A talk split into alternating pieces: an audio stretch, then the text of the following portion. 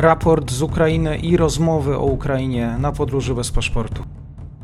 Dzień dobry wszystkim słuchaczom. Poniedziałek to 117 dzień rosyjskiej inwazji na Ukrainę. Mamy 20 czerwca. Informacje przez strawie tradycyjnie. Michał Marek, dzień dobry. Dzień dobry Państwu. Rosjanie nadal prowadzą ostrzał artyleryjski i rakietowy ukraińskich pozycji, obiektów strategicznych oraz obiektów cywilnych. Rosjanie prowadzą m.in. ostrzał obiektów cywilnych z terenu Federacji Rosyjskiej. Dotyczy to m.in. obwodu miejscowości w obwodzie sumskim. Rosyjskie rakiety spadają nadal zarówno na domy ludności ukraińskiej, jak i na ważne obiekty, między innymi w, obszarze, w obwodzie dniepropetrowskim. E, tutaj w dniu 19 czerwca rakiety spadły na bazę e, paliw. W obwodzie mikołajowskim w efekcie ostrzału z kolei rannych zostało 16 e, cywili. Strona ukraińska informuje przy tym o przerzuceniu przez Rosjan do obwodu briańskiego systemów rakietowych S-300, które prawdopodobnie zostaną wkrótce użyte do ostrzelania obiektów znajdujących się na obszarze Ukrainy. Rosjanie kontynuują również prowadzenie ostrzału pozycji na wschodnim odcinku frontu, innymi przy użyciu lotnictwa. Tutaj użyto wczoraj e, samoloty Su-25, które e, dokonały ostrzału innymi e, w okolicach Awdijiwki, Siewierodoniecka i okolicy miasta Lyman. Rosjanie starają się nadal niszczyć ukraińskie umocnienia, ale również składy amunicji. Ukraińcy nie są jednak im dłużni. Również prowadzą ataki, między innymi z użyciem aparatów bezzałogowych, z których nagrania, z których użycia nagrania mm, krążą później w sieci jako element działań informacyjnych strony ukraińskiej. No, jest to między innymi element wzmacniania morale społeczeństwa. E, jeśli chodzi o sytuację na froncie, na północy bez zmian. Strona ukraińska przejawia inicjatywę, próbując przebić się bliżej do granicy rosyjskiej, jednakże brak informacji tutaj o jakichś wyraźnych e, sukcesach. Rosjanie nie są tu jednak w stanie zorganizować uderzenia, które pozwoliłoby na pozyskanie im kontroli nad nowymi obszarami. E, idąc na południe, e, rosyjski atak, rosyjskie ataki nadal prowadzone są w stronę Słowiańska. Rosjanie starają się zbliżyć do tego miasta. Próby te nie przynoszą sukcesów. Brak informacji o próbach prowadzenia przez Ukraińców kontrofensywy na tym kierunku. Rosjanie pomimo starań nie zgromadzili tu na tyle silnych e, środków, aby zagrozić miastu Słowiańsk. Dalej na wschód najcięższa sytuacja wokół Sywierodoniecka. Rosjanie cały czas szturmują miejscowość oraz próbują zbliżyć się do Lisiczańska od północy i południa. Ukraińcy nadal jednak stawiają opór, miasto e, się broni. Mm, pomimo koncentracji poważnych sił rosyjskich na tym kierunku, e, siły zbrojne Federacji Rosyjskiej nie mogą przełamać ukraińskiej obrony. Warto zaznaczyć, że ten obszar e, Kreml e, traktuje obecnie priorytetowo. To tu dostrzegana jest przez stronę rosyjską jedyna szansa na zasadniczą odmianę sytuacji na froncie. Tak przynajmniej to wygląda z naszej perspektywy. Kluczowy nadal pozostaje Sywierodonieck. Ale idziemy dalej, dalej na południe.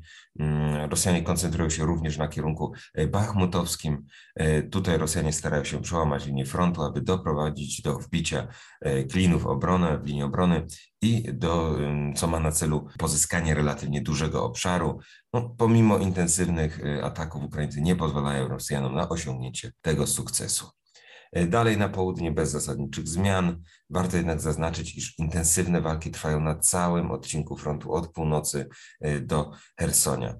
E, tutaj jedynie w tym raporcie staram się w skróconej formie wskazać te punkty najcięższych walk oraz ogólne tendencje. To, że nie wymieniam pojedynczej miejscowości nie oznacza, że na całości długości frontu nie trwają zacięte walki. Na południu, to znaczy y, kierunek właśnie hersoński, strona ukraińska kontynuuje próby zbliżenia się do, do tego miasta, do, do, do Hersonia. To znaczy, że na zachód właśnie od Hersonia e, Ukraińcy nadal przejawiają inicjatywę, odnoszą niewielkie zwycięstwa, ale zwycięstwa te nie są również w stanie mm, wpłynąć na jakieś zasadniczą, zasadnicze, e, na zasadniczą odmianę sytuacji na froncie. Na kierunku wojny informacyjnej warto wspomnieć o niedawnej aktywizacji Aleksandra Łukaszenki, który poprzez swoje komunikaty na temat rzekomych planów Polski mm, dotyczących ataku na Ukrainę nie tylko wspiera aktywność dezinformacyjną Kremla, ale ma w tym również swoje własne cele. Po pierwsze stara się konsolidować własne społeczeństwo wokół siebie, w cudzysłowie wokół silnego lidera, w obliczu wyimaginowanego przez siebie, przez Kreml e, zagrożenia, zagrożenia atakiem ze strony Polski. E, po drugie, poprzez takie komunikaty utrzymuje on w białoruskiej infosferze przekazy o potrzebie wsparcia Rosji w wojnie przeciwko Ukrainie, czy jak to się przedstawia e, w Rosji na Białorusi, w wojnie przeciwko NATO o wyzwolenie Ukrainy. Niestety atak ze strony sił zbrojnych Białorusi na Ukrainę nadal pozostaje możliwy, choć wątpliwym jest, aby Łukaszenka z własnej woli wziął udział w tej wojnie. Łukaszenko utrzymuje jednak możliwość włączenia się do wojny. I tu, kiedy to mam prosty cel, jeżeli cały czas białoruskie ośrodki mówią Białorusinom, Polska może zaatakować e, zachodnią Ukrainę, mm, Ukraina jest niebezpieczeństwem, jest zagrożeniem e, dla, e, dla, dla Białorusi. No, poprzez, tego, poprzez tego rodzaju komunikaty białoruskie społeczeństwo utrzymywane jest, można powiedzieć, w agendzie przekazu informacyjnego białoruskiego. Ciągle są to właśnie wątki, które mogą wskazywać na to, że wojska białoruskie będą musiały kiedyś w przyszłości podjąć udział w tej wojnie. Tak? Czyli jest to taki sygnał, że można, można powiedzieć, że wtedy, kiedy Putin rzeczywiście przyparłby do muru już Łukaszenkę, no to wtedy Łukaszenko ma tutaj przygotowaną taką bazę, aby rzeczywiście mm, ci obywatele nie, nie, nie, nie rozumieli, w cudzysłowie rozumieli tą potrzebę udziału w tej wojnie. No tu warto rozumieć, że jeżeli jednak Białoruś wkroczyłaby do tej wojny, to straty Białorusin byłyby ogromne. E, niepokoi jednak e, tutaj informacja ukraińskiego wywiadu na temat przygotowań, umocnień e, na obszarze białoruskim wzdłuż granicy białorusko-ukraińskiej. Z jednej strony Mińsk może obawiać się ukraińskiego uderzenia, z drugiej może przygotowywać się do obrony terytorium po nieudanym ataku ze strony Białorusi na Ukrainę. Warto pamiętać, iż de facto Białoruś uczestniczy już w tej wojnie po stronie Rosji, pozwalając na wkroczenie oddziałów rosyjskich na swoje terytorium, na terytorium Ukrainy oraz pozwalając na prowadzenie y, ostrzału rakietowego ze swojego terytorium.